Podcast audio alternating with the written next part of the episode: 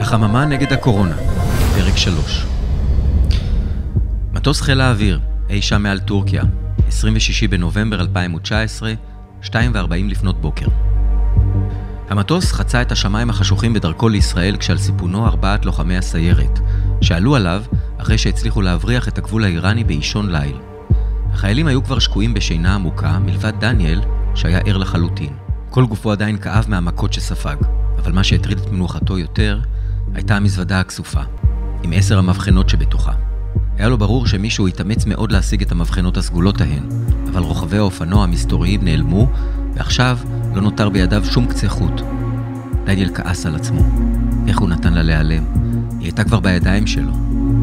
הוא קם באיטיות ממקומו, דידה לעבר ארז מפקדו, והעיר אותו בתפיחה עדינה.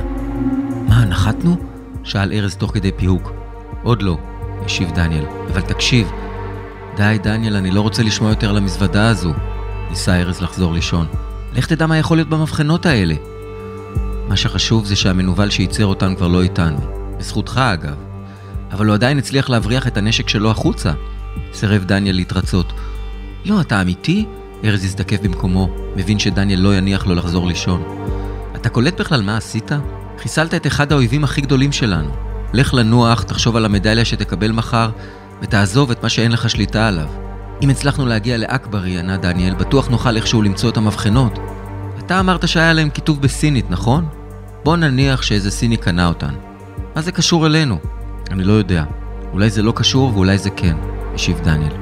דניאל, אתה חייל, וחייל רוצה רק דבר אחד, לבצע את המשימה כמו שצריך. המשימה שלך הייתה לחסל את אכברי, והמשימה בוצעה. סוף דיון. עכשיו לך ותן לי לישון, אמר ארז וסובב את גבו. דניאל הביט בו מתוסכל וחזר למקומו. לשכת שר הביטחון, הקריה תל אביב, 26 בנובמבר 2019, 2 בצהריים. ראש הממשלה יקבל אותך עכשיו, הכריזה פקידת הלשכה, וחייכה אל דניאל חיוך מעריץ. דניאל הניח את העיתון שקרא בזמן שהמתין. הכותרת הראשית התנוססה עליו באותיות שחורות ואדומות. חיסולו של מדען המוות. הגיליון הקדיש לא פחות משמונה עמודים לתיאור המבצע המוצלח בלב טהרן. שמו של דניאל כמובן לא הופיע בשום מקום, אבל הפקידה שלידו ידעה היטב שדניאל גורן הוא הגיבור שמאחורי החיסול. אין עליך, לחשה באוזנו כשחלף על פניה ונכנס בדלת המשוריינת. ראש הממשלה ושר הביטחון ספי שחל עמד במרכז החדר, כשארז מפקד היחידה לצידו. כשסיפרו לי על החייל שכמעט חירב את הפעולה כדי להציל איזה ילד איראני, ואז רדף אחרי אכברי וחיסל אותו, הייתי צריך לנחש שזה יכול להיות רק אתה, אמר ראש הממשלה ולחץ בחמימות את ידו של דניאל הנבוך. הבחורצ'יק הזה הציל כבר את החיים שלי פעם אחת. לחש ספי לארז ופנה שוב לדניאל. והלילה אתה הצלת את החיים של מי יודע כמה ישראלים שהאכברי הזה התכוון להשמיד. אני רק ביצעתי את המשימה שלי, השיב דניאל בשקט והביט בעיניו של מפקדו. מדינת ישראל גאה בך, קרא ספי, והושיט לדניאל מדליה כסופה בתוך קופסה כחלחלה. חבל שאני לא יכול להעניק לך את זה בשידור חי מול כל האומה. ספי התקרב אל אוזנו של דניאל. בכל זאת, הפעולה הזאת הולכת לנצח בשבילי את הבחירות הקרובות בהליכה. תודה, מלמל דניאל, אבל מר שחל, ספי, בבקשה, תיקן אותו ראש הממשלה. ספי, יש עוד משהו שאתה צריך לדעת. המזוודה, נכון? קטע ספי את דניאל המופתע. ארז סיפר לי הכל. אני לא הולך לסכן חיים של חיילי צה"ל כדי לחפש כמה מבחנות. האחריות שלי היא לדאוג לאזרחים שלי, לא לאיראנים ולא לסינים. ברור, אבל נשק ביולוגי כזה, מספיק דניאל. התערב ארז ותקע בדניאל מבט מאיים. דניאל השתתק. שתיקה מביכה השתררה בחדר. ספי מיהר לשנות את הנושא. אז מה אתה אומר על החברה המוכשרת שלך? חתיכת מפלגה היא הרימה. הסוקרים שלי צופים לה לפחות שמונה מנדטים. דניאל בלע את רוקו. אלא לי תהיה פוליטיקאית מצוינת, השיב.